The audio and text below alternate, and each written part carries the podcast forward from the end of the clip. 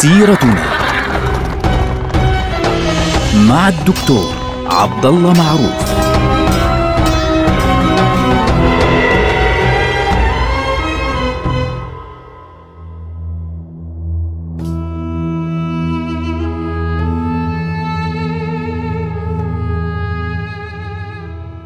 السلام عليكم ورحمة الله وبركاته. سيرتنا سيرة هذه الأمة ونحن الآن في عهد الدولة العثمانية وتحديدا في عهد السلطان محمد رشاد خلال الحرب العالمية الأولى.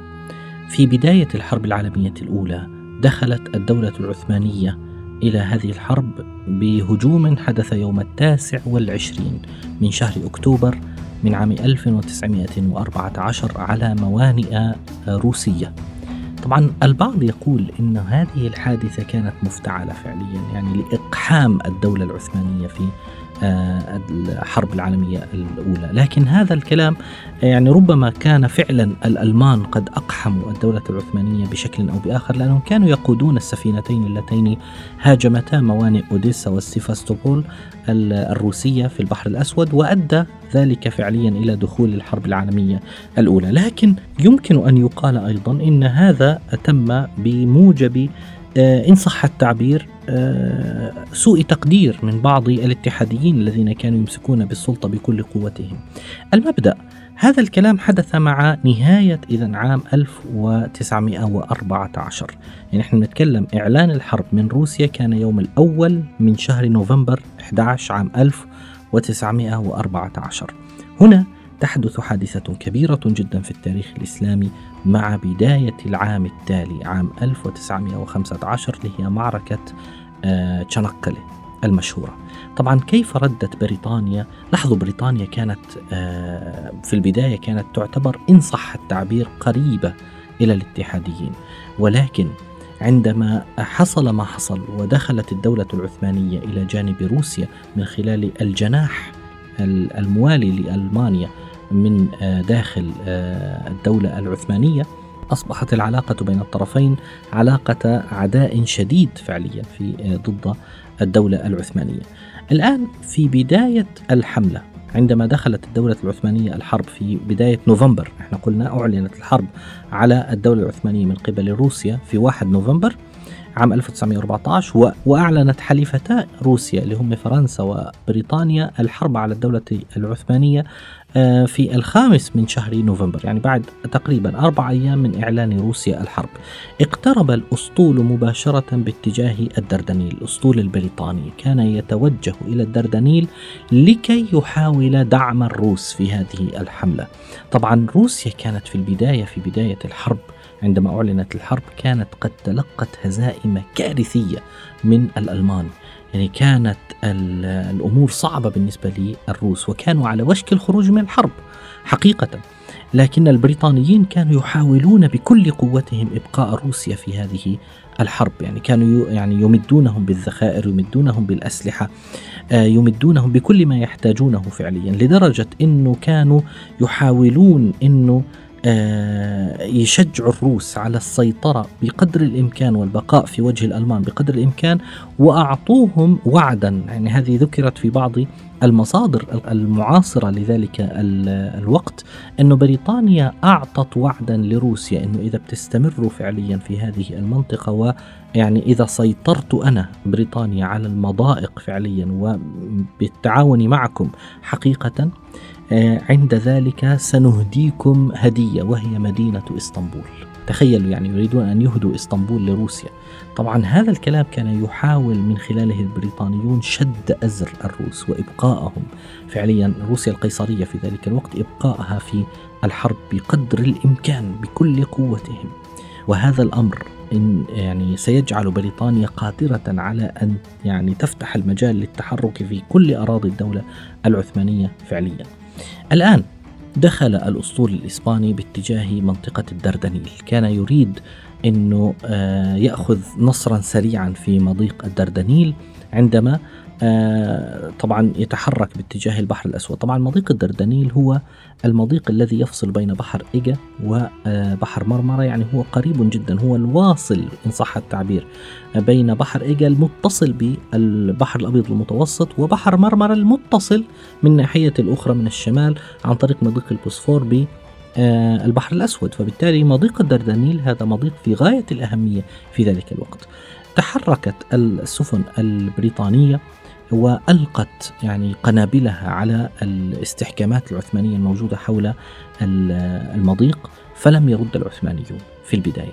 وبالتالي هذا الأمر جعل البريطانيين يعني يعتقدون أن الأمور مفتوحة فتحركوا أكثر وإذا بهم يفاجؤون حقيقة أن الدولة العثمانية كانت قد جهزت لهم حقلا كاملا من الألغام في داخل مياه الدردنيل فدمرت عدد من السفن الكبيرة يعني في الأسطول البريطاني وتأثروا بشكل كبير جدا. هذا أول انتصار للدولة العثمانية. هذا الأمر جعل بريطانيا يعني يجن جنونها إن صح التعبير.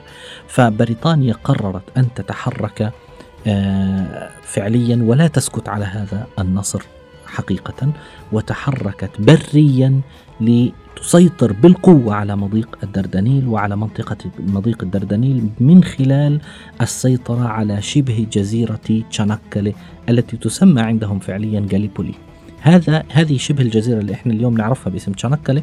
باللغة الإنجليزية بيعرفوها باسم غاليبولي تحركت باتجاهها القوات البريطانية مدعومة طبعا بقوات من فرنسا قوات فرنسية. وطبعا القوات البريطانية كان بينهم أعداد كبيرة جدا من مين أيضا؟ من الأستراليين ومن النيوزيلنديين ومن الكنديين لأنه هذه كلها كانت تتبع في ذلك الوقت الإمبراطورية البريطانية تحركوا برا وبحرا لكي يسيطروا على منطقة مضيق الدردنيل من خلال السيطرة على هذه آه، المنطقة اللي شبه جزيرة آه، تشانكلي وهنا تبدأ هذه المعركة معركة تشانكلي معركة تشانكلي يعني ليست معركة كما يتخيل البعض إنه والله يعني قصيرة انتهى الموضوع. يعني معركة في يوم واحد. إحنا اليوم نسمع كلمة مثلا معركة حطين يوم واحد. غزوة بدر يوم واحد. غزوة أحد يوم واحد. يا جماعة الخير هذا الكلام قديما كان موجودا لكن آه الآن عندما نتكلم عن المعارك هناك بعض المعارك استمرت عدة أيام في تاريخنا مثل معركة اليرموك على سبيل المثال ثمان أيام. معركة تشانكلي استمرت فعليا حوالي عشرة أشهر تقريبا. عشرة أشهر أو 11 شهر. من بينها القتال المباشر كان ثمان أشهر المحاولات الكاملة الكبيرة التي كانت تحاول من خلالها قوات الحلفاء. الوصول إلى منطقة شنقلة كانت ثمان أشهر من القتال المتواصل.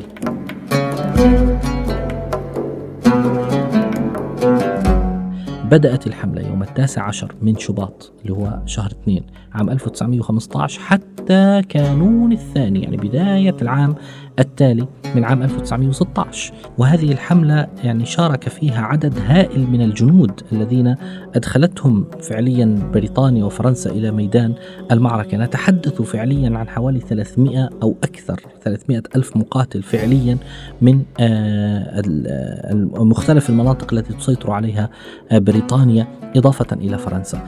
أما الدولة العثمانية فإنها عندما أعلنت الحرب عليها فإن السلطان محمد رشاد وجد نفسه في مرحلة يعني خلص شو بده يعمل؟ سيضطر لإعلان الحرب.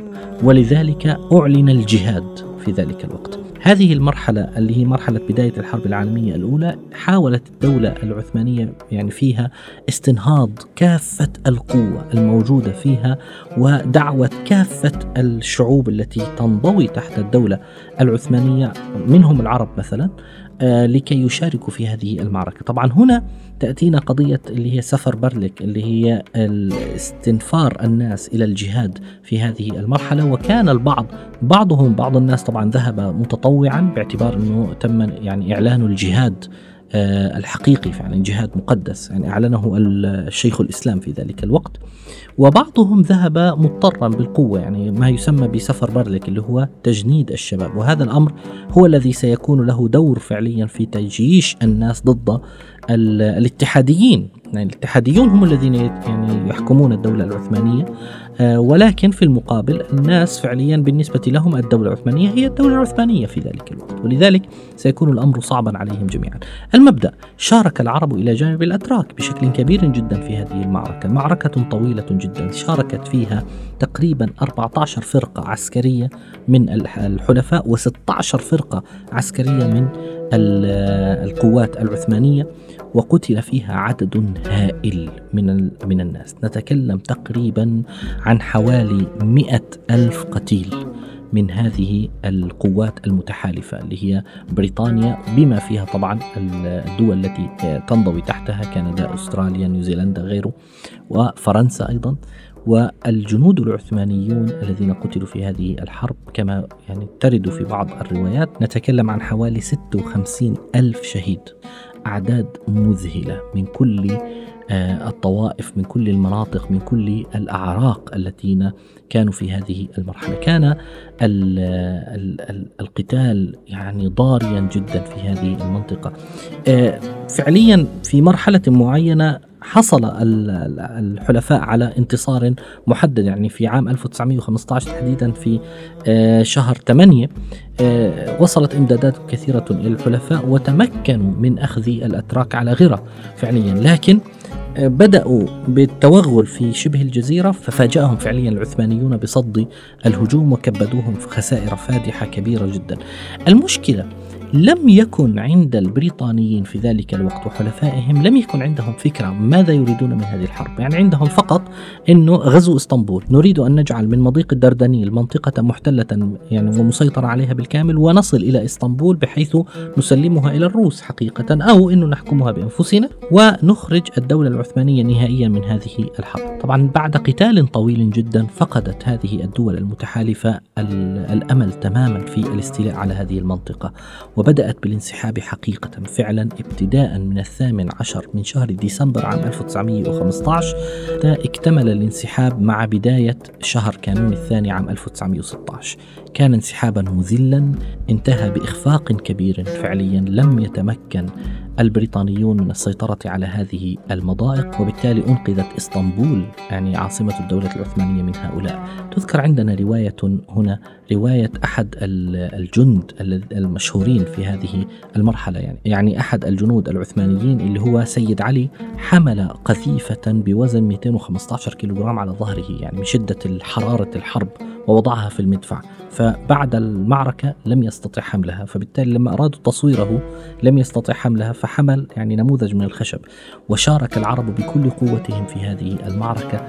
وهناك إلى اليوم في تشانكلي شهداء حلب التي قدمت وحدها. أكثر تقريبا من 41 ولاية تركية من الشهداء إضافة إلى مناطق كثيرة. هناك شهداء من القدس من غزة من اليمن من طرابلس من بغداد من كل المناطق. وهناك شهداء من مناطق أيضا البلقان من البوسنة من غيرها. كلهم شاركوا في هذه المعركة التي انتصرت فيها الدولة العثمانية على الحلفاء في الحرب العالمية الأولى. نلقاكم على خير. والسلام عليكم.